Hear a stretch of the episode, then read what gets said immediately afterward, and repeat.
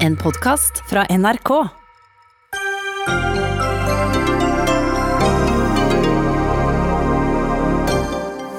Nicolai Tangen kan ikke bli oljefondsjef så lenge han fortsetter som en betydelig eier i et utenlandsk hedgefond, sier Arbeiderpartiet. Dermed er minst halve Stortinget kritisk til ansettelsen. Kan han da tiltre? Og hva med sentralbanksjefen, som hadde hovedansvaret for denne ansettelsen? I dag kom beskjeden, for ja, nå blir det anbefalt å bruke munnbind eh, flere steder i Norge, men hva betyr egentlig en anbefaling? Og kan vi forskyve skoledagen for å begrense stappfulle busser? I teorien ja, i praksis tja. Og professor frykter skogbruket gjør at insekter og naturmangfold forsvinner, men Skogeierforbundet svarer at de er miljøverifisert.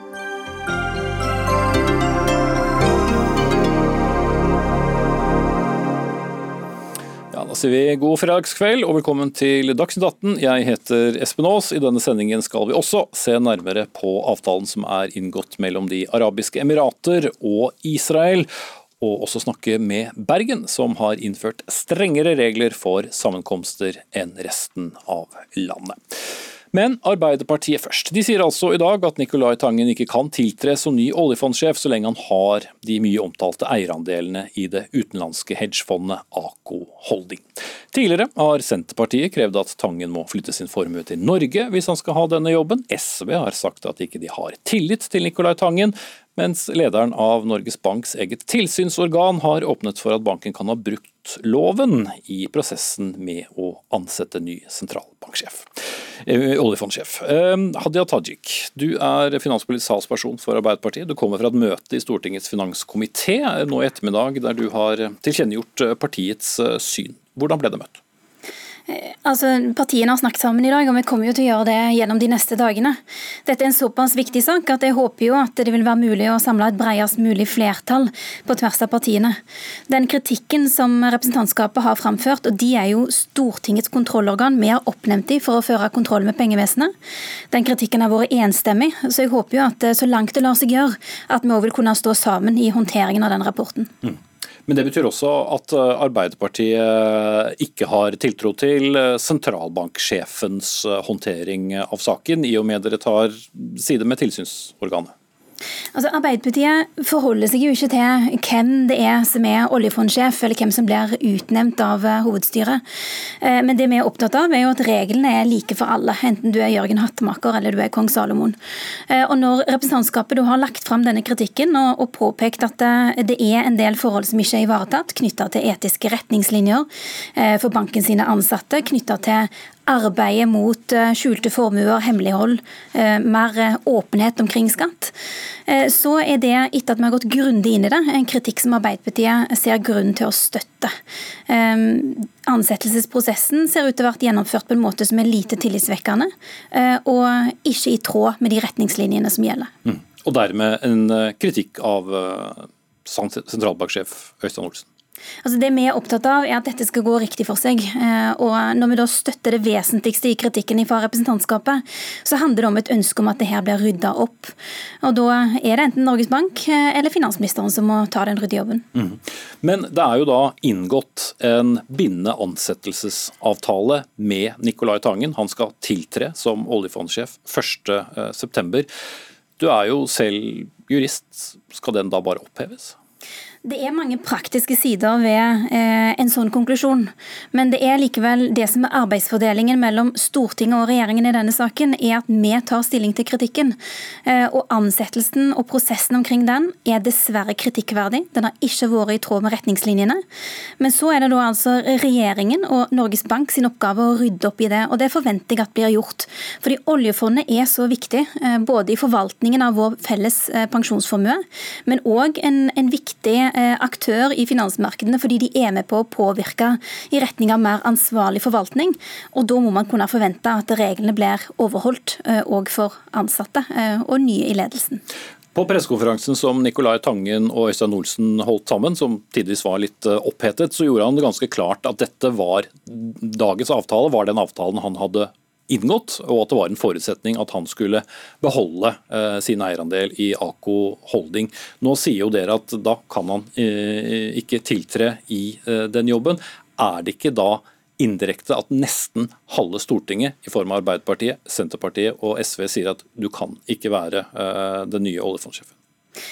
Det er noe sånn at hvis du må jenke til de etiske retningslinjene for dine ansatte for å få til én spesiell ansettelse, da er det ikke de etiske retningslinjene det er noe i veien med, da er det ansettelsen. Og Arbeiderpartiet forventer at det her ryddes opp. Mm.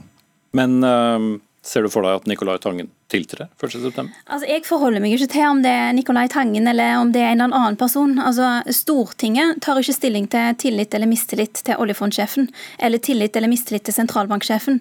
Men vi er nødt til å ta stilling til at uh, vårt kontrollorgan har retta sterk kritikk mot uh, den prosessen som her har blitt ført. Uh, at de har påpekt at regler og retningslinjer og lover har blitt brutt. Og i det vesentligste så støtter vi kontrollorganet vårt i den kritikken. Mm. Og da må regjeringen og eventuelt Fremskrittspartiet ta stilling til om de vil støtte Norges Banks innstilling, og ikke ta til eh, etterretning det som tilsynsorganet og for så vidt eh, dere sier. Men likevel så vil de bare ha et knappest mulig flertall. Ville du tatt en jobb hvor eh, et lands, halvparten av landets nasjonalforsamling nærmest hadde sagt at ikke de hadde tillit til? Jeg håper ikke at dette blir en sak om hvorvidt man støtter representantskapet eller støtter hovedstyret. Eh, jeg regner jo med Men de er jo veldig uenige med hverandre, så man må støtte den eller andre. Man kan ikke støtte begge. Det jeg regner med, det er at alle partiene går inn i de faktiske forholdene. Går inn i hva kritikken består av, hva substansen er for noe. Og Arbeiderpartiet har brukt tid på å gå veldig grundig inn i det. Eh, vår uro ble forsterka da vi hadde høring i finanskomiteen på mandag, der sentralbanksjefen var til stede. Eh, og etter å ha brukt denne tiden og gått grundig inn i det, så ser vi det som veldig vanskelig å konkludere på noen som helst annen måte enn at det er kritikkverdige forhold knytta til denne ansettelsen som må ryddes opp i. Vi inviterte eh, Høyre til sending. De vil ikke uttale seg før høringsfristen er ute neste fredag. Fremskrittspartiet sier de ikke har eh, konkludert. Snakket med Finansdepartementet, som sa de avventer innstillingen fra finanskomiteen, og vil ikke kommentere utspill fra enkeltpartier, som de sa og Norges Bank ønsket heller ikke å kommentere denne saken. Takk skal du ha, Hadia Tajik, politisk kommentator Magnus Takbam her i NRK. Utspillet fra Arbeiderpartiet rundt Norges sentralbank og mannen som skal lede verdens største fond, det vekker eh, oppsikt, men er det overraskende at det kommer? Det innebærer jo en tilspissing av denne veldig krevende saken. Fordi, ja, den er krevende fordi det handler om en av de viktigste institusjonene i det norske samfunnet, sentralbanken og, og oljefondet. Eh, og for så vidt vil jeg si at det ikke var overraskende fordi signalene fra Arbeiderpartiet har gått ut på at det ville komme en slik konklusjon eh, som vi hører nå.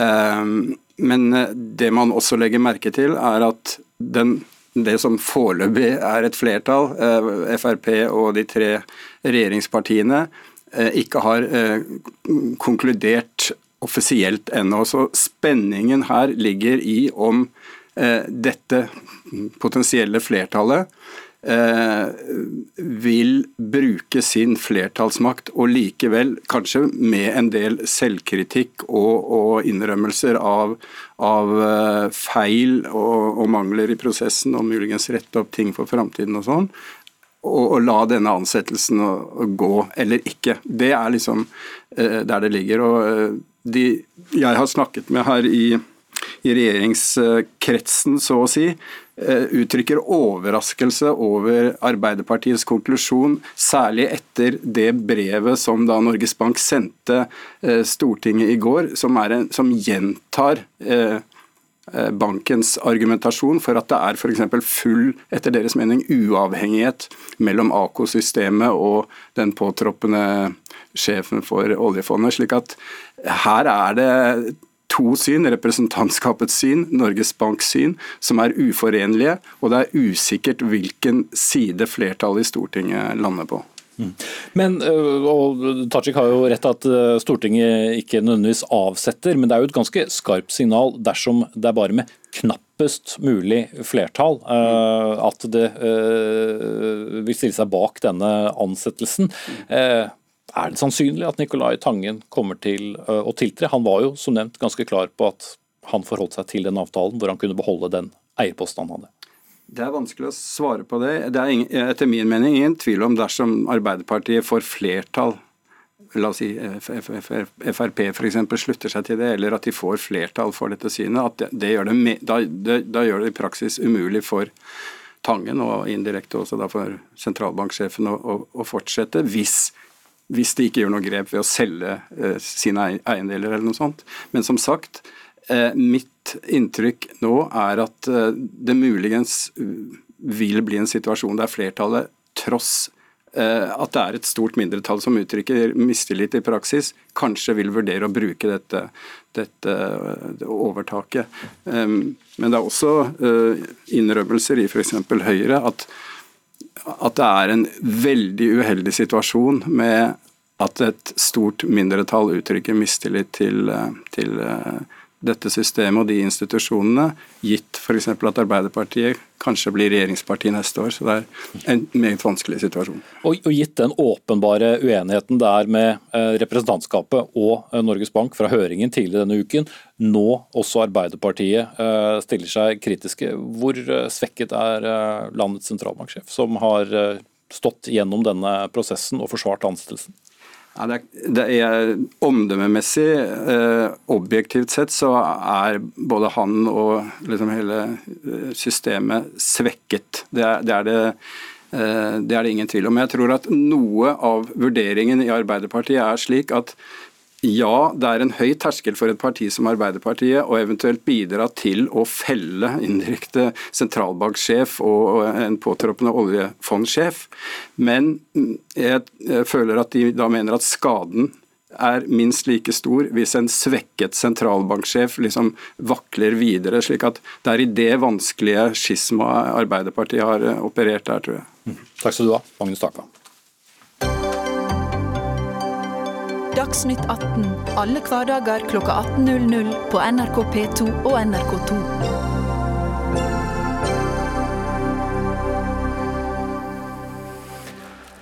I dag kom en lenge bebudet beskjed, nemlig bruk av munnbind. Nå anbefaler nemlig regjeringen å bruke munnbind i kollektivtrafikken, som har eh, stor pågang i Oslo kommune og i Indre Østfold-regionen, altså Indre Østfold, Rakkestad, Skiptvet og Marker.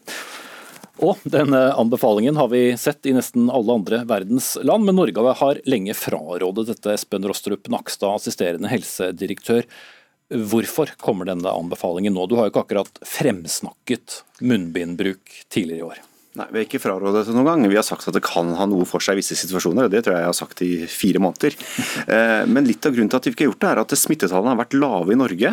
Og da skal veldig mange bruke munnbind for å faktisk kunne forhindre et smittetilfelle.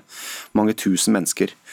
Og, over lengre tid. Over lengre tid. Og, da blir det egentlig et ikke så veldig viktig tiltak i en sånn situasjon. Men nå er vi i en situasjon hvor det er en del smitte i Oslo, også i Indre Østfold. Eh, og Derfor så har vi gitt et råd i dag om at eh, hvis man da reiser inn og ut av Oslo, eh, eller i Oslo, eller i Indre Østfold-regionen, og er på kollektivtransport hvor det er vanskelig å holde denne meteren, da anbefaler vi munnbindet den settingen. og Det har vi sagt er et råd som gjelder for to uker, og det gjelder kun for voksne. Og Så får vi se etter et par uker hvilke erfaringer vi høster av dette. her. Mm. Men hva betyr en anbefaling? En anbefaling er rett og slett et råd om at er du i en sånn situasjon, så bør du gjøre det. Eh, men det er ikke et påbud. Eh, og du har alternativer. Du kan reise på andre tidspunkter, du kan sykle og gå. Og i mange tilfeller utenom rushet så vil det også være mulig å holde den meteren avstand. Sånn at eh, dette er en anbefaling hvis du befinner deg i en situasjon hvor ikke du kan unngå å bryte den metersregelen. Da er det bedre at du deg et munnbind enn at du ikke gjør det i denne smittesituasjonen som er nå.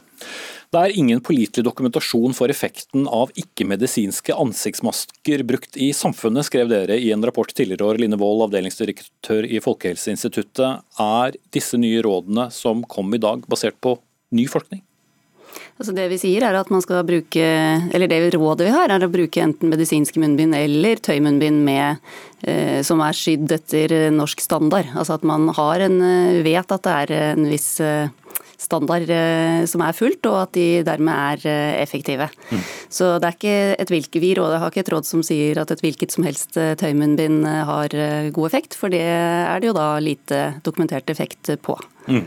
Men er det ny forskning som tilsier at uh, dette nå hjelper mer enn vi har trodd tidligere? Ja, altså Det har tilkommet mye ny kunnskap. Nå er det jo utstrakt bruk av munnbind veldig mange steder i verden, sånn at man har fått et uh, bredere kunnskapsgrunnlag å vurdere dette på. Og så ser man f.eks.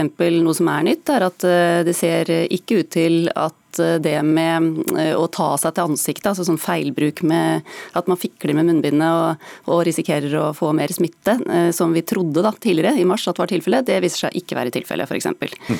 Så vi har fått mer dokumentasjon på, på dette med bruk med, av munnbind. Mm. Men det er noen forutsetninger som uh, må ligge til grunn, og det er at munnbindet brukes riktig, og at man bruker riktig munnbind, enten da uh, et medisinsk munnbind eller da uh, et forsvarlig annet munnbind. Og hva er et forsvarlig munnbind? Hvis ikke det er det medisinske? Nei, Det er definert av norsk standard. sånn at uh, Det er det definisjonen på. og Vi har jo tøymunnbind til salgs i Norge som vi vet har dokumentert effekt, og som har god effekt. Mm. Og så har jeg sett uh, veldig mange reportasjer. Lag ditt eget munnbind og kjøp munnbind her med din, e, ditt eget design. Ja. Vi hører om det er dyrt på apotekene for, for munnbind. Så mm. hva sier du til alle som nå tenker at de skal bestille seg et kult tøymunnbind? Jeg ville jo eh, sjekket eh, litt kvaliteten på det. Eh, og oppfyller det norsk standard, så er det bra nok. Og så er det også sånn at noen steder så kan man finne oppskrifter på hvordan man syr munnbind, men der òg bør man jo ikke følge en hvilken som helst oppskrift. Men man kan gå inn på f.eks. på Verdens helseorganisasjon har en oppskrift liggende på hvordan man kan sy munnbind. Mm. Og så vet vi jo, må bare legge til det, at det er énmeteren som er det viktigste. Fordi det er faktisk sånn at det er omtrent 80% smitte forebyggende effekt av å holde énmeteren, og bare 40% på munnbind. Mm. Det var akkurat det som jeg skulle si nå, for da er jo spørsmålet er det ikke da en bedre idé å gå tilbake til det vi gjorde før, nemlig at vi hadde folk på annethvert sete, enn at du har munnbind og sitter nærmere folk med bare 40 eh, hjelp da, eller eh, trygghet. Altså Grunnen til at det ble endret i denne veilederen for kollektivtransport, og det var egentlig Folkehelseinstituttet som spilte den endringen, Bare så. Det, det, jo, det var at, eh, men det var rett og slett at det som skjedde da, var at folk eh, sto som sild i tønne ved dørutgangene til bussen f.eks., istedenfor å sitte på da seter som da var sperret av. Så da ble folk stående enda tettere. Så dette var egentlig bare en pragmatisk løsning på at det er bedre at da man sitter skulder til skulder, enn at man står ansikt til ansikt. Men det er fortsatt sånn at den veilederen sier at du skal tilstrebe minst en meter avstand når du reiser kollektivt. Det gjelder fortsatt, og det er veldig viktig. Og det er som Line sier, at ny forskning viser at det er mye mer effektivt enn munnbind. Eh, og det må man hele tiden tenke på. Og Men Gir ikke da falsk trygghet når du tar på deg munnbind og jo. tenker at da er det ikke så farlig, da kan jeg stå tett ved utgangen det, på bussen? Det, det er noe av grunnen til at vi nå sier at dette er et råd i 14 dager, i en helt bestemt situasjon, i et bestemt geografisk område.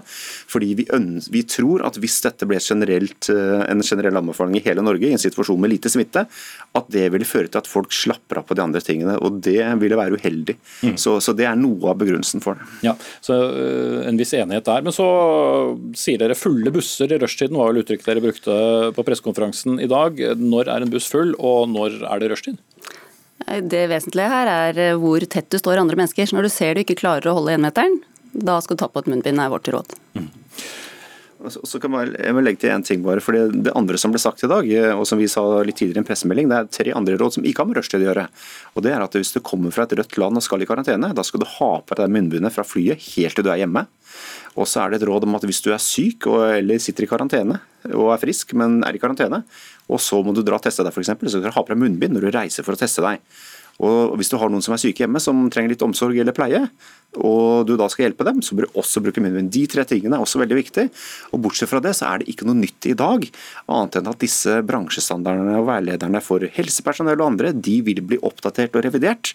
Men det er ikke noen nyheter for dem i dag. Det er det ikke. Eh, dere sier at 30 000 da må bruke munnbind, og igjen bruke det riktig hver uke for, eller i en uke for å forebygge ett nytt tilfelle. Så vi forebygger to tilfeller da, på disse to ukene i, i beste fall, hvis så mange bruker munnbind. Det, det, er hvis du bruker det generelt i hele samfunnet, men nå snakker vi på buss hvor du ikke kan ha avstand eh, og er tett på hverandre. og Det blir en mye mye snevrere bruk enn å bruke det generelt i samfunnet. Mm. Så det er vanskelig å tallfeste. Ja, jeg skjønner det. Eh, det har vært eh, mye bekymring rundt eh, prisen, som jeg så vidt var innom. Og Hanne Andersen, du er fagdirektør i Apotekforeningen. Gjennom hele pandemien har vi da hørt om mangelen på munnbind. Et par søk i dag viste at nettlagrene for de største apotekkjedene i Norge er utsolgt. Er det nok munnbind for økt etterspørsel i hvert fall Østfold og Oslo? Ja, Vi eh, har fått tilbakemeldinger fra våre medlemmer om at eh, det er eh, veldig god tilgjengelighet på munnbind nå. Og det er forventet også inn store mengder med medisinske munnbind i neste uke. Mm. Andresen heter du, beklager. Men flere nettbutikker melder om at de er tomme? Ja, Det har nok noe med den situasjonen vi har akkurat i dag. For i går så valgte mange av aktørene å distribuere mest mulig munnbind ut til apotek i akkurat de områdene som vi nå har fått en anbefaling om at man bør bruke munnbind i kollektivtrafikken. Så det er en midlertidig situasjon og vil bli rettet opp fortløpende. 50 mm. munnbind koster om lag 600 kroner på norske apotek nå. Mm. Det er eh, mye det som hvis man har en familie som trenger å reise med kollektivtransport kanskje hver dag i rushtiden, kanskje er bussene fulle, i, i de neste to ukene. Er det grunn til å vente at prisene går opp, eller er de på vei ned? Eh, det som skjedde da pandemien kom i vinter, det var jo at eh, det ble veldig mangel på medisinske munnbind. Og da ble det også høyere priser. Vi hadde også behov for å få munnbind raskt til landet, og det medførte høye transportkostnader. Så vi har vært i en situasjon i lengre tid hvor prisene har vært høye. Eh, nå ser vi at tilgangen blir gradvis bedre, og da er det grunn til å håpe at prisen også vil gå ned etter hvert. Mm. Takk skal du ha, Hanne Andresen, fagdirektør i Apotekforeningen. Eh, det er prisen, men sett fra helsemyndighetenes side, altså hva slags evaluering skjer om to uker? Kan det bli utvidet? Altså det vi først og fremst vurderer, vil jo være smittesituasjonen i Oslo. Og det vi vet nå er jo at eh, det har vært eh, utbrudd, eh, særlig blant unge voksne. Og det er helsemyndighetene i Oslo i ferd med å håndtere og jobber intenst med å få god oversikt over det. Og det vi får rapportert er jo at de er i ferd med å få kontroll over det utbruddet. Så vi forventer jo at situasjonen vil forbedre seg når det gjelder smittetallene i Oslo. Og så vil det gjøres en vurdering av det når det har gått to uker. Men mange syns kanskje det er et paradoks at dere på den samme pressekonferansen i dag sier at det er, det er, gode nyheter. Vi er langt fra den situasjonen som var eh, i vinter. Hvorfor er det da noe poeng å sette i gang ytterligere tiltak? Eh, når vi snakket om eh, at, tallene, at vi tror ikke at vi er på vei mot en ny bølge og at tallene ser ut til, til å stabilisere seg, vi tror det, så er det på nasjonalt nivå. Så vet vi at det er eh, utbrudd i Oslo og Indre Østfold, men også der så er det jo mm, rapporteres at de er i ferd med å få kontroll over situasjonen. Mm. Så dette her med stigende smittetall og det vi er eh, bekymret for når det gjelder eh, situasjonen nasjonalt, og har signalisert fordi det var mange utbrudd, det ser ut til å mm, bedre seg. Mm. Jeg kan bare si at Én En ting er smittetallene og statistikken, men hvis du ser litt utover det, så ser man at at uh, selv om det går riktig vei nå, så har vi en sårbarhet. altså Sikkerhetsnettet vårt er mye dårligere nå enn i mars. Folk har veldig mye kontakt med hverandre, og folk er fortsatt ute og reiser i utlandet.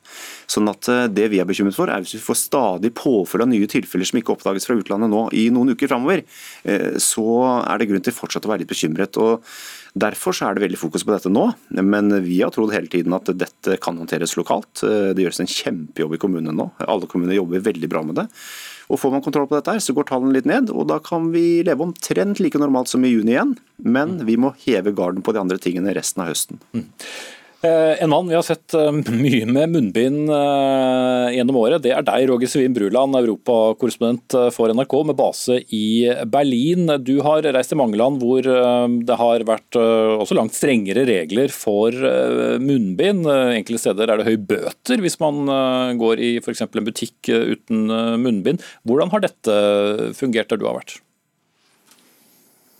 Jeg må jo bare først få lov til å nevne at det er ca. halv pris på munnbindet her i eh, Tyskland i forhold til i Norge.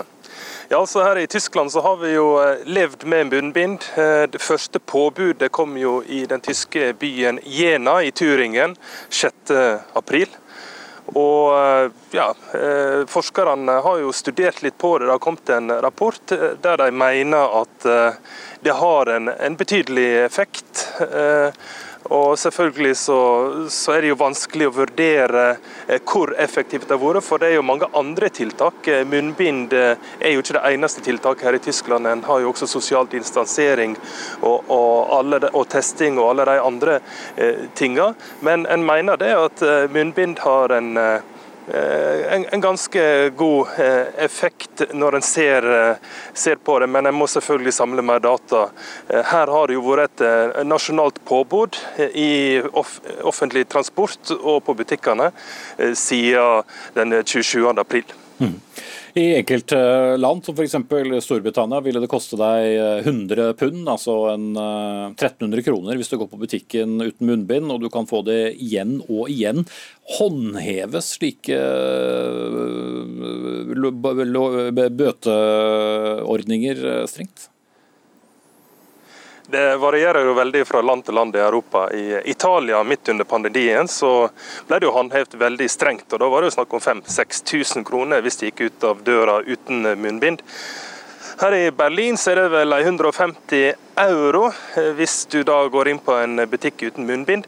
Det blir ikke håndheva så veldig strengt. Det handler ikke om å straffe folk, men hvis eh, politiet ser at eh, en begynner å, å slurve veldig mye, så, så, går de inn og gir bøter tidvis. Så det er et sånt ris bak speilet en har her, for å få folk til å følge de tiltakene som, som regjeringa har vedtatt. Mm, takk skal du ha, Roger Severin Bruland. Eh, ja, Håndhevingen her, eh, Espen eh, Nakstad. Dette trer jo da i kraft fra, fra, mandag. og igjen Det gjelder kun hvis du skal reise til eller i Indre Østfold eller Oslo-området. Men vil det håndheves på noen måte? Dette er en anbefaling, så det er rett og slett et råd. Og Vi tror at veldig mange vil følge det hvis de kommer i en situasjon hvor de må reise i rushtiden f.eks. Det som er litt interessant ut fra det som dette ble sagt, det er at man ser i mange land at det kan være mye smitte selv om man bruker munnbind selv om alle bruker det. Det, har, det bare underbygger det vi var inne på i stad, at avstand er viktig. Og Så ser vi også en trend i Europa. det er at Veldig mange, mange land har en oppsving av smitten etter sommeren. Men et av de landene som ikke har like stort oppsving, er Italia. Eh, de har nok lært en grundigere lekse enn mange andre, eh, og er sannsynligvis flinkere til å følge vanlige regler i de tusen hjem enn det man gjør andre steder. Eh, selv om munnbindreglene ikke er noe veldig forskjellig der som andre steder. Mm. Men viktig å bruke det riktig altså, og for å gjenta nok en gang, bedre å holde avstand. Takk til Espen Rostrup Nakstad, fungerende helsedirektør, og Line Wold, avdelingsdirektør ved Folkehelseinstituttet.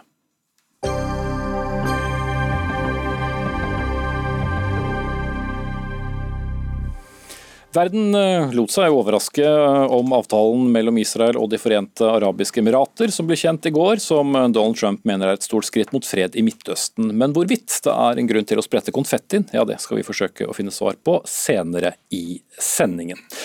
Noen som ikke trenger å bruke munnbind, er eh, yngre skoleelever. For på mandag er det skolestart, men mange av dem som skal dit, må likevel ta nettopp kollektivtransport for å komme frem i tide.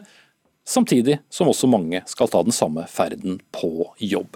Og For at ikke for mange skal oppholde seg på buss, tog eller bane eller trikk, eller hva slags kollektivtransport man bruker, så bør elevene begynne til forskjellige tider på dagen, foreslo du, Jon Rokstad, forskningsleder i Fafo, i dagens eh, Aftenposten. Hvorfor er det en god idé? Nå hørte vi jo akkurat at det å klare å holde på meteren, det er kjempeviktig. Og Tanken var da, hvis vi klarer å få spredd trafikken litt mer, og rett og slett at skoleelevene starter litt tidligere. Det er ikke noen naturlov når skolen starter. Og Vårt forslag er da la oss se hva med at man starter én time senere, slik at man rett og slett får spredd belastningen litt mer. Så kan man flytte, dette, flytte skoledagen litt. Elevene kommer jo når eh, det ringer inn. Og Det vil være en gunstig løsning, tenkte vi, eller iallfall verdt å vurdere i denne dugnaden. For det er jo litt det. Vi må være litt kreative.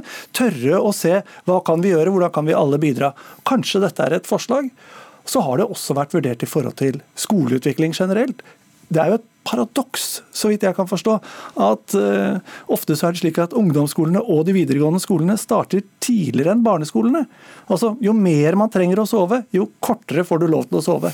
Og, så det er vel en, eh, en annen eh, effekt. Men jeg syns jeg allerede hører foreldre med i hvert fall mindre uh, skolebarn begynne å bekymre seg for at de skal reise på helt andre tider av døgnet. Og mange av dem bør kanskje også følges på kollektivtransport kollektivtransport. Ja, altså dette vil jo først og fremst uh, Forslaget er vurdere dette for videregående skole i de store byene. Og Det er jo åpenbart at i en dugnad det er jo kostnader. Eh, det vil være kostnader på arbeidstid, det vil være kostnader i forhold til hvordan skal vi tilpasse dette til fritidsaktiviteter. Men når vi skal snu på forskjellige steiner, så er dette kanskje en av de kostnadene som ikke er så store, og som kan hindre en ny stenging av skoler. Og Det er jo derfor man, jeg tenker det er viktig å vurdere er dette en mulighet. La oss i hvert fall se og vurdere nøye om det er en mulighet. Mm. Guri Melby, kunnskaps- og integreringsminister fra Venstre. Vi så jo at elever begynte til forskjellige tider på, på skolen da skolene åpnet igjen, for ikke å ha for fulle klasserom. Eh, er ikke dette en god idé å videreføre nå også inn i, i skoleåret for å begrense nettopp smitten der i hvert fall mange trenger å å ta kollektivtransport samtidig? Ja, jeg synes det her er et interessant eh, forslag. Det er jo sånn at jeg mener Vi bør gjøre det vi kan for å unngå at for mange klumper seg sammen på tidspunkt. Både på kollektivtransporten og også på skolene så har de også et behov for å redusere trøkket i hvor mange elever som oppholder seg der samtidig. Så det at videregående elever kan begynne en time senere, det er det jo ingenting som er i veien for. Vi har ikke noen forskrifter som sier når de skal ha sin skoledag. Bare bestemme det, da. Ja, Det er jo viktig at et sånt forslag eh, forankres lokalt. da tenker jeg. Både at det er forankra med lærerorganisasjonene, at det er i henhold til arbeidstidsavtaler, og at det er det som funker lokalt. Og Det er jo nettopp derfor vi er litt forsiktige med å lage veldig sånn detaljrike statlige retningslinjer på sånne ting. Fordi at Noen steder er dette et problem, andre steder er det ikke det. Det er viktig at man finner gode lokale løsninger. Og så har jeg også lyst til å understreke at Det er jo også et rom for å ha hjemmeundervisning på videregående i kombinasjon med tilstedeværelse på skolen. Så Dersom man vil unngå klumping i kollektivtrafikken, så er det også mulig å korte ned skoledagen litt, sånn at man slipper akkurat det. Mm. Steffen Handal, du er leder av Utdanningsforbundet. Er det bare å, for dine medlemmer å, å, snakke med arbeidsgivere i både kommuner og fylkeskommuner og si at eh, la oss forskyve arbeidsdagen? Jeg syns uh, egentlig at uh, ideen til Rakstad er verdt å diskutere. og Jeg vil heller ikke avvise den. Og Jeg er glad for at statsråden også peker på at dette vil jo selvfølgelig kreve gode prosesser lokalt, og at uh, tillitsvalgte involveres. og at man trygger lærere og de andre involverte på at dette skal foregå på en ordentlig måte. Vi bør tenke kreativt gjennom hvordan vi kan bidra til å stoppe smitten. og Jeg tror både lærere og elever kjenner på at de har i aller høyeste grad gjort det. Eh, så er det sånn at eh, det er et ganske krevende puslespill å legge en timeplan. og jeg tror Alle som har prøvd på det, alle skoleledere, de vet at det er et eh, enormt puslespill. Og det vil sannsynligvis kreve litt, litt jobbing å klare å ordne dette. Men det betyr ikke at man ikke skal gjøre det, og i hvert fall ikke hvis det kan bidra til å, til å hindre smittespredning. Når det er sagt, så ser jo vi nå om dagen at det er andre ting som også bør ses nøye på. Vi får, vi får eksempler på at 37 eh, elever samles i klasserom som er egnet til 30. Eh, vi vet at eh, skolen ikke har ressurser til å påse at man holder avstand i friminuttene. Vi vet at kommuneøkonomien er skral der ute, og at smittespredning eller okay, hindre smittespredning faktisk er dyrt. Litt andre utfordringer. Vi holder oss til eh, starttider og sluttider på, på skolene nå. Men Guri Melby, eh, hvis du sier det er opp til hver enkelt eh, skole eller kommune og fylkeskommune, hjelper det ikke om f.eks. du som utdanningsminister ber dem om å utrede det? Jeg mener at dette er en idé som flere fylkeskommuner bør se på. Det som er fint er jo at det er fylkeskommunene som styrer både kollektivtrafikken og de videregående skolene. Så de bør absolutt sette seg ned og snakke sammen om dette er en idé som kan gjennomføres. Jeg tror også som eh, Fafo her sier at eh, dette er kanskje et forslag som er mest relevant i de store byene, der skoleelevene ofte reiser i den ordinære kollektivtrafikken, mens andre steder der man har egne skolebusser, så er ikke dette så viktig. Men jeg tror også at det er litt viktig at uh, vi, vi, holder på den eh, arbeidsfordelinga, at vi nasjonalt legger en del retningslinjer. At vi åpner for at det er et stort rom for å finne lokale løsninger. At vi ikke f.eks. For forskriftsfester når skolen skal være åpen, men at vi holder det åpent. Og jeg vil også si at Det er viktig nå at skoleeierne og arbeidsgiverne tar ansvar for å hindre nettopp det som også Steffen Handal snakker om. At det er for mange lærere, for mange elever, for mange samla på et lite sted.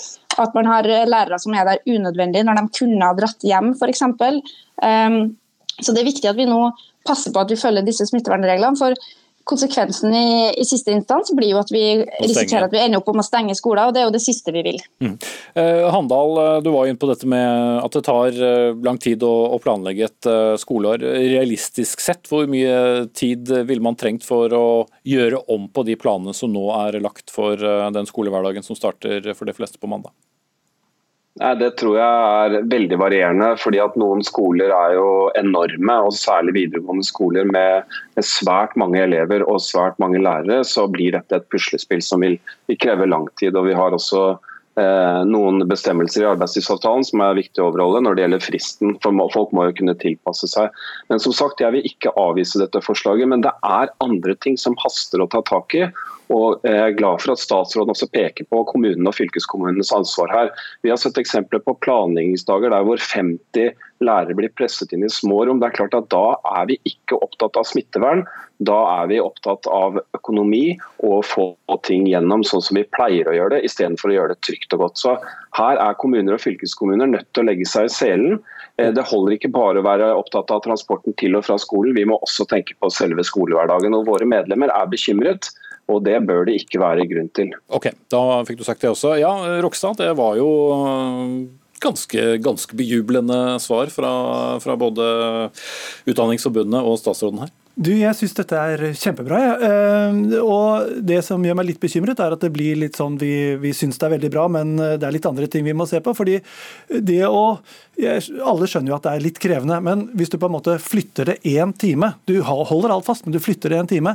Det er mulig det er veldig krevende, men det er også mulig at noen skoler der ute griper den sjansen på å være litt i front. På å gjøre dette for å ta noen grep. Og da kan vi jo på sett og vis ikke sitte og vente nå. Vi ser om 14 dager. Det tar så lang tid. Man må jo hive seg litt rundt hvis vi skal være i front av denne dugnaden.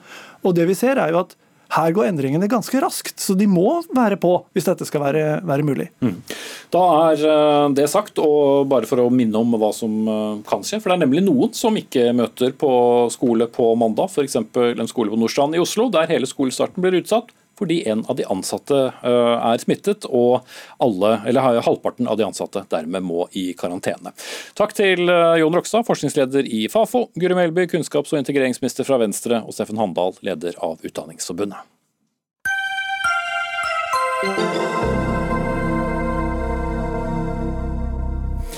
Til tross for alle smitteråd og smitte anbefalinger fra sentrale helsemyndigheter, så valgte byrådet i Bergen å gå egne veier for sine innbyggere i dag. For de forandret nemlig en anbefaling til et påbud.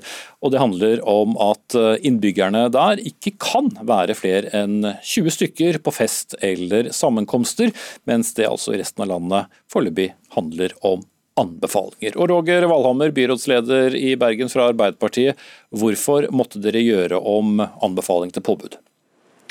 Sånn som jeg vurderer smittesituasjonen i Bergen nå, med økt smitte, så eh, vurderer vi det som et knekkpunkt. Vi kan stå foran et lokalt utbrudd, eller vi kan unngå det. Eh, og Utviklingen de neste ukene vil avgjøre det.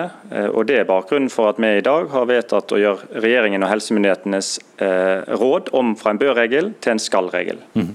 Hvordan skal eh, dere håndheve det som nå er blitt et påbud, for da er det plutselig strengere?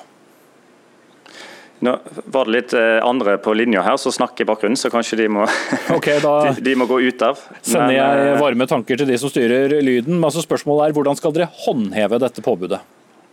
Ja, nå er fortsatt mye støy her, så jeg hørte ikke helt hva du sa. Men eh, jeg tror du i hvert fall snakket litt om eh, hvordan dette skal håndheves osv. Så, videre. så det vil si at I Bergen har vi i mange eh, tilfeller siden pandemien starta, senest i juli, forskriftsfesta råd fra nasjonale myndigheter. Da hadde FHI et råd om at helsearbeidere som kom hjem fra såkalt grønne land, måtte teste seg to ganger før de kunne gå tilbake i pasientnært arbeid. Da jeg, avbrøt vi ferien i byrådet og forskriftsfesta det ganske raskt, sånn at det skulle ikke være noen tvil i Bergen at alle helsearbeidere helsearbeidere som hadde vært i utlandet, skulle teste seg to ganger før de kunne være tilbake igjen med til arbeid. Og Det er det det handler om for oss.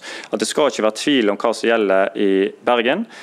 Nå er grensa på 20. Den er i tråd med helsemyndighetenes regler, men det er en del i vår by som ikke følger den i dag. For alle som følger regjeringens råd, så er ikke dette noe nytt. For alle andre så blir det Eh, en endring, men det betyr jo at vi da i større grad forhåpentligvis får de til å følge regjeringsråd. Jeg må bare nevne at det er fortsatt veldig mange som snakker i øret mitt. så okay. Da skal du få en uh, liten pause, Roger Valhammer, mens jeg håper at noen uh, fikser det.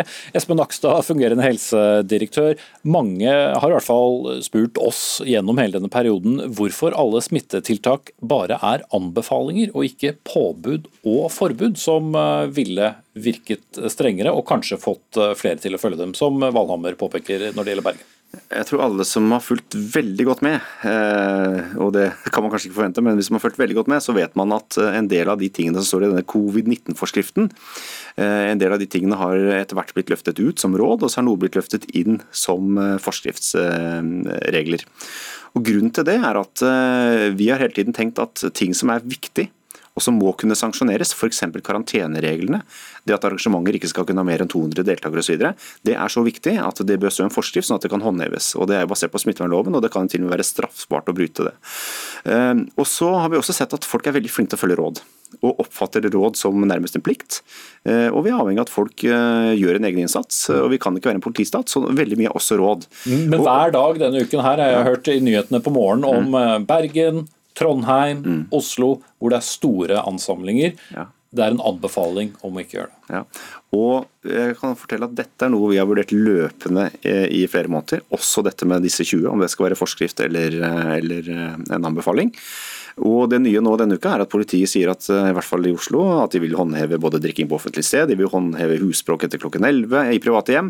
Sånn, men det er klart, hvis vi ser at politiet trenger flere sanksjonsmuligheter, Eh, så er dette ting vi eh, er i løpende dialog med departementet. Så dere følger nøye med på hva som skjer i Bergen? Og, og, trenger man å gjøre det, så er det, tror jeg i hvert fall ministeren har sagt at han ikke er fremmed for å gjøre sånne ting. Mm. Jeg håper antall eh, jeg håper stemmer i hodet, i hvert fall stemmer i ørene, Valhammer, er, er, færre nå. Men det jeg egentlig også forsøkte å få ut av deg i sted, er hva skjer dersom man da bryter dette? Altså, hva, uh, hva slags sanksjoner uh, har dere uh, mot de som bryter dette påbudet?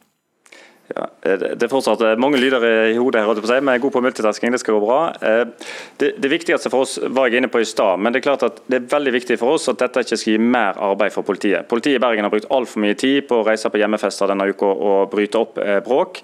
Det vi har sagt er at eh, Dette vil gi et ekstra hjemmelsgrunnlag eh, eh, i en sånn situasjon. og Det er ikke å forvente at de skal dra ut på dette alene. Tvert imot så håper vi at dette vil bidra til at det blir færre større ansamlinger og fester, som gjør at det blir både mindre bråk og ikke minst mindre å gjøre for politiet. Og Så er det de som må vurdere dette. Sånn som vi har hatt dialog med de i dag, så vil de først og fremst bruke råd og veiledning, og så vil selvsagt bøter være en mulighet. Men det er ikke det viktige for oss. Det viktige for oss at det skal ikke være tvil om hva som gjelder i Bergen. Eh, det er maks 20 hvis du har noen private eh, eh, sammenkomster hjemme eller i det offentlige rom. Ellers er alt som før. Det er viktig å si at den vanlige covid-19-forskriften som er nasjonal, den gjelder som før. Så begravelser og konfirmasjoner og alt som foregår med en ansvarlig arrangør, er som vanlig. Dette gjelder at en maks kan ha 20 hjemme på fest. og Det tror jeg for de aller, aller fleste er helt overkommelig som en ny skal-regel. Mm. Egne regler i eh, Bergen altså. Vi får se hvordan det går. Takk til Roger Valhammer, byrådsleder der fra Arbeiderpartiet, og takk igjen til Espen Nakstad, fungerende helsedirektør.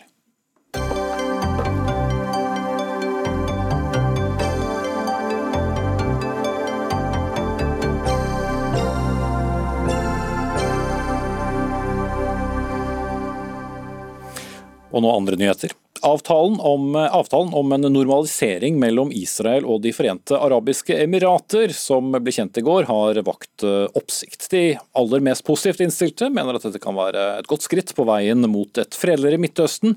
Avtalen innbefatter at Israel inntil videre iallfall stanser annekteringen av deler av Vestbredden. Det hele ble fremforhandlet med USAs hjelp. Avtalen er et diplomatisk jordskjelv, men det gjenstår å se hvor stort utslag på skalaen det kommer til å gjøre, skriver du Sigurd Falkeberg Mikkelsen, utenrikssjef her i NRK.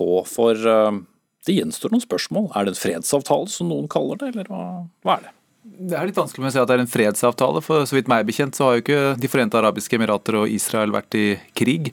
Eh, men det som er oppsiktsvekkende med avtalen, og derfor jeg brukte ordet jordskjelv, er jo at det er så utrolig sjelden at den arabiske verden Eh, inngår den type offisielle avtaler med israelerne, eh, det er en stor eh, endring. Så har det ligget ganske mye samarbeid som har vært en sånn dårlig skjult hemmelighet ganske lenge. Men det at de på en måte går ut på denne måten, det er nytt. Men så er det utrolig mange spørsmål bak det. Hva, hva dette i praksis innebærer. Hvor langt har de kommet ned i detaljene? Vi har allerede sett ganske mange forskjellige signaler fra begge parter her, så, så jeg er fortsatt litt avventende. Mm. Men uh, utvilsomt uh, noe sole seg eh, på, kanskje både for uh, israelske politikere, Donald Trump og, og, og styret i De arabiske emiratene.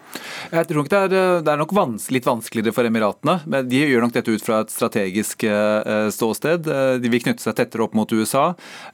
Passer godt i det fiendebildet som er i Midtøsten nå, med særlig da Iran og en del av de andre landene. Som har reagert veldig negativt? Naturligvis. Så, så for Emiratene har nok mer en sånn, sånn, kalkyle på det. For israelerne er det alltid positivt med anerkjennelse fra den arabiske verden. Eh, og særlig når ikke de må gi mer i forhold til palestinerne enn det, enn det de nå har gjort. Eh, og så gjenstår det å se da, om de faktisk kommer til å møtes og, og, skrive under sånn som Donald Trump har eh, sagt. For de har jo ja, de har ikke akkurat solgt skinnet for bjørnen er skutt, men, men, de har i hvert fall, gått veldig lang, høyt opp på banen. Det må man kunne si. Mm. Marte Heian Engdahl, seniorrådgiver ved Norsk senter for konfliktløsning. Du er med oss på, på linje. Også du eh, er veldig forsiktig med å sprette konfettien her, fordi det er så mange ubesvarte spørsmål.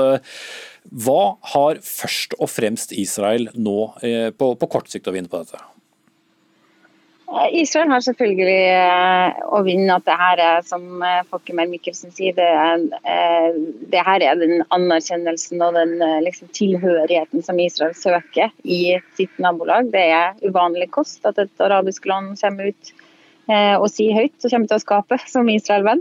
Og så er det på en måte en beleilig anledning også for for eh, Benjamin Netanyahu, som får eh, en sårt eh, tiltrengt gladsak. Mm. Men endrer Israel egentlig så mye politikk? Nei, det er vel det som er grunnen til at jeg har sagt at uh, min mening er at det, her er det ikke for å være surpomp, men det er lett å bli forleda inn i entusiasmen av denne ordbruken og ikke minst eh, de store bokstavene som brukes eh, til å beskrive eh, hva det her er. Men grunnen til at man holder igjen på den konfettien og ikke blåser på alle ballongene sine nå, er jo for at det nettopp ikke endrer noen ting på bakken. Israel sier at de skal eh, ta, altså ikke skal annonsere sin annektering av Vestbredden. Det er ingenting i det som står som har blitt løslatt så langt av informasjon som eh, tilsier at det endrer noe på bakken eh, for palestinerne. Og Det er jo i bunn og grunn det det her handler om. og Nå har arabiske, Forente arabiske emirater gått sin egen vei, men i konflikten mellom Israel og palestinerne, som er det som emiratene her har på en måte, Det er det skinnet som Emiratene har solgt. For å bruke Folkemeg Mikkelsen sitt uttrykk, så, så var det veldig Det blir en veldig billig fred da, for Israel, hvis det, hvis det, er det vi skal kalle det. Mm. Ja, Palestinerne var raskt ute og ta, ta, avstand. Tyrkia fordømmer avtalen. Iran eh, retter skarp kritikk. Eh, Mikkelsen. Hva risikerer da eh, De arabiske emirater eh, i forhold til veldig mange av sine naboland? De er jo allerede i en ganske spiss konflikt med, med, med flere av dem. Uh, og så har de da denne alliansen med bl.a. Saudi-Arabia, selv om den heller ikke er helt uh, uproblematisk. Så det er en del, uh, del sånn usikkerhetsmomenter som jeg er nysgjerrig på. det er hvor tett har Saudi-Arabia vært involvert i dette arbeidet. For hvis dette er en slags prøveballong, og de ser at det fungerer, og at de etter hvert også går i den samme retningen, så begynner vi å snakke om en, en, en, en ordentlig stor forflytning. Vi er jo ikke helt der ennå. Så, så det, blir, det, blir, egentlig mest spennende å se hvordan det konkretiserer seg. Men så er jeg, ikke noe, jeg er ganske sikker på at dette er en, det er en dårlig sak for palestinerne. De er marginalisert internasjonal politikk fra før av, og blir det egentlig enda mer nå. For den arabiske verdens sånn vanlige ståsted har jo vært at ingen avtaler og anerkjennelse uten at det er en løsning på den konflikten. og Det er det jo definitivt ikke som, eh, som ligger i, i, det vi vet av denne avtalen eh, mellom eh, Emiratene og israelerne. Mm. Heian Engdahl, Trump har jo selvfølgelig vært opptatt av denne avtalen. Hva vet vi om hans rolle oppi det hele? Eh, jeg vet ikke så mye annet enn det som man kan lese seg til i åpne kilder. Men vil, det som virker rimelig, er at han har gitt mandat til sin kjære svigersønn Jared Kushner til å gå inn i denne forhandlingssituasjonen sammen med den israelske ambassadøren til USA og den ambassadøren fra Forente arabiske emirater. De, den trioen virker det som har vært sterkt eh, delaktig eh, i å, å, få fram det her. og Det er jo kanskje også derfor en, eh, det lukter på en måte litt sånn næringslivsvinkel på en eh, avtale. Og så pakker man det inn som en stor fredsavtale. og Derfor så er jeg ikke helt sikker på at eh, når vi åpner gavepapiret, at det er det som vi har blitt solgt. da. Mm. Mikkelsen, Trump sier at avtalen vil bli undertegnet om kort tid. Er det sannsynlig? Ja, altså Han uh, forventer seg jo da en seremoni, og vil jo sikkert uh, ha og cashe inn litt politisk eh, kapital på, på, dette inn i valgkampen. og Det er jo en god sak for ham. Og Han får jo støtte fra Norges utenriksminister. jeg så Frankrikes president Emmanuel Macron var ute i positiv ordelag. sånn at Man skal ikke heller, heller underkjenne den delen av, av, det arbeidet. men det er en veldig forskjellig avtale fra f.eks. det vi kjente til med Egypt inngikk en avtale med israelerne eller Jordan, hvor det var på en måte substansielt diplomati som lå i bunn. Mitt inntrykk er at det er det ikke denne gangen, og at det er veldig mye arbeid som gjenstår eh, før dette eventuelt materialiserer seg i noe eh, langsiktig og viktig.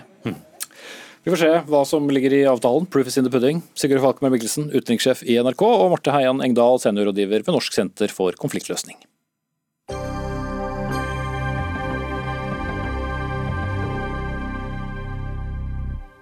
Til slutt i Dagsnytt 18. Hvor stor er din kjærlighet til blodtørste mygg, digre gresshopper, halvsvibete vepp som svimler rundt maten, eller de alltid pågående fluene? Kanskje ikke så stor når jeg stiller spørsmålet akkurat på den måten, men insektene sørger for at maten gror, at maten smaker mer og har næring, at fugler og fisk får mat, og ikke minst, de holder også skogen ren. Anne Sverdrup Tygeson, professor ved Norges miljø- og biovitenskapelige universitet. Du sier det tas for lite hensyn til biologisk mangfold når det hugges skog. Hvordan da? Det har jo å gjøre med at uh, skognæringen primært er opptatt av gran og furu. Uh, mens det lever 25 000 arter i norsk skog. Og jeg er bekymret for de 24 998 andre artene som ikke i, i, god nok grad blir tatt hensyn til i skogen. F.eks. når det gjelder dette med dødt trevirke, som mange tenker på kanskje som rot i skogen, eller som en ressurs vi kunne og burde ha brukt. Det er jo i virkeligheten et uhyre viktig livsmiljø for disse, mange av disse artene. Faktisk en tredjedel av alle de 25 000 artene i norsk skog, de lever i døde trær. Og selv om det har blitt mer døde trær i skogen de siste 100 årene, så er vi fremdeles bare på 20% av den mengden døde trær vi ville hatt om vi ikke hadde hogget i skogen. Og dette har noe å si for artene. Da snur jeg meg rett til deg, Nils Bøhn, avdelingsdirektør ved Norges, eller i, snarere, Norges Skogeierforbund. Hvordan tar skognæringen hensyn til da nettopp disse insektene? For det første så er jo bare å si det at det, Disse inntektene er svært viktige, både for naturen og for, for, mennesker. Og Vi er veldig glad for, for seg at det ble satt i gang et uh, overvåkningsprogram uh, for dem, så vi får vite litt mer hvordan situasjonen er i, i Norge, mm. ikke bare ute, ute, i verden. Så til spørsmålet. Men det vi gjør Vi har vært miljøsertifisert praktisk talt hele norsk skogbruk siden i 20 år. Eh, og utgangspunktet for de, disse selvpålagte restriksjonene i den miljøsertifiseringa, det er at vi skal sikre livsmiljøer, habitater, kvaliteter i skogen som er viktige for alle arter arter, ulike arter, og arter da som spesielt vil bli lite av hvis, det, hvis vi ikke tar hensyn. Det betyr bl.a. at vi setter av nøkkelbetoper. Det er 10-15 dekar store områder stort sett som blir satt av for truearter, livsmiljø for truearter. Som dere da ikke gjør noe med? Ikke gjør noe mer, eller, eller forvalter sånn at det bare bra for, for biologisk mangfold. Norske skogeiere har satt av 1 million dekar med slike nøkkelbetoper. Vi setter av livsløpstrær, gamle trær på feltene, og kantsoner mot myr og, og mye, mye mer. Så det er ingen grunn til bekymringen til Sverdrup Tyggeson her? Det er, Hvis vi ser resultatene der, så ser vi at det er det miljøløftet som vi har gjort på 20 år, så har det blitt mer gammelskog, det har blitt mer død ved. Det er, det er fordobla mengden gammelskog. Det er 50 mer død ved i norske skoger i løpet av den, den, perioden. Men dessverre så er det jo sånn. Det gjøres bra miljøarbeid absolutt i skogbruket. Men dessverre viser jo rødlistene at det ikke gjøres nok. Fordi 50% av alle arter som er truet i Norge, de lever i skog. Og Ifølge Artsdatabanken så er det jo skogbruket som er hovedtrussel for størstedelen av disse, ca. 85% av de artene. Men må noen andre regulere det, da? Det kan hende at det er altså Skogbruket har mye eh, ansvar for hvordan de driver skogen selv. Det blir fort litt bukken og havresekken. Eh, det kan godt tenkes at det å få mer oversikt fra myndighetene, mer kontroll fra myndighetene, kan være med på å gjøre det lettere å få satt av tilstrekkelig Altså få fart på um, dette arbeidet. Så trengs det jo også å gjøres få fart på selve skogvernet. I dag er det vernet 4% av den produktive skogen, altså der man hogger. Vi har en politisk enighet om at 10% er det vi skal oppnå. og da, Dit må vi komme før vi har hogd all den eldste skogen. Fordi selv om det blir mer halvgammal skog, så hogger vi fremdeles i den aller eldste skogen i Norge. Halvparten av den skogen som var gammel naturskog i 1990, den er borte nå.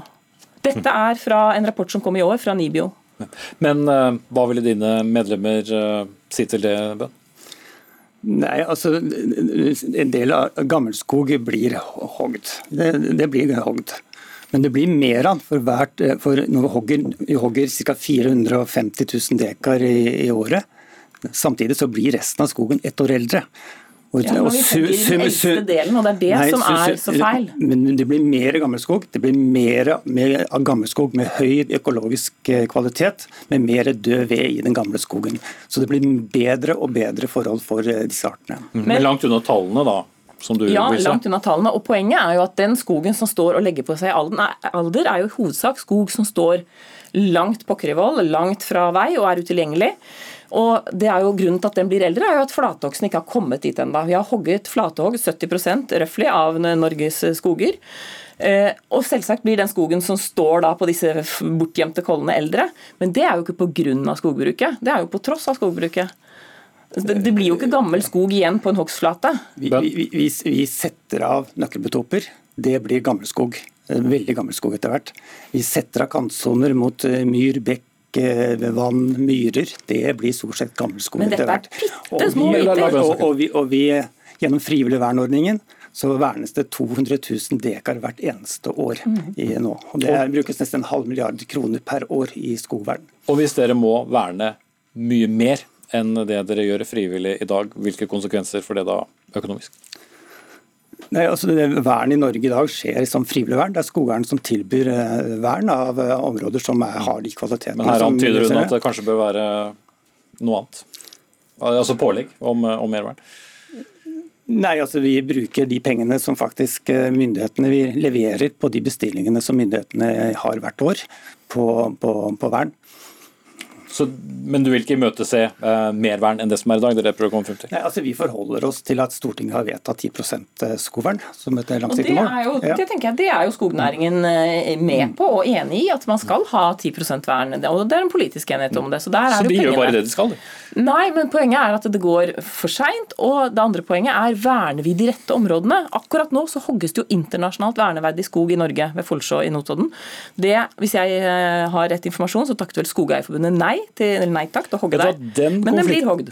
kan vi ikke gå i, for nå ser jeg på, på klokken, og jeg kommer til det punktet hvor jeg må si at eh, takk til deg, Anne Sverdrup Tyggeson, professor i bevaringsbiologi på Institutt for naturforvaltning ved NMBU, og dette er Nils Bøhn, avdelingsdirektør i Norges Skogeierforbund.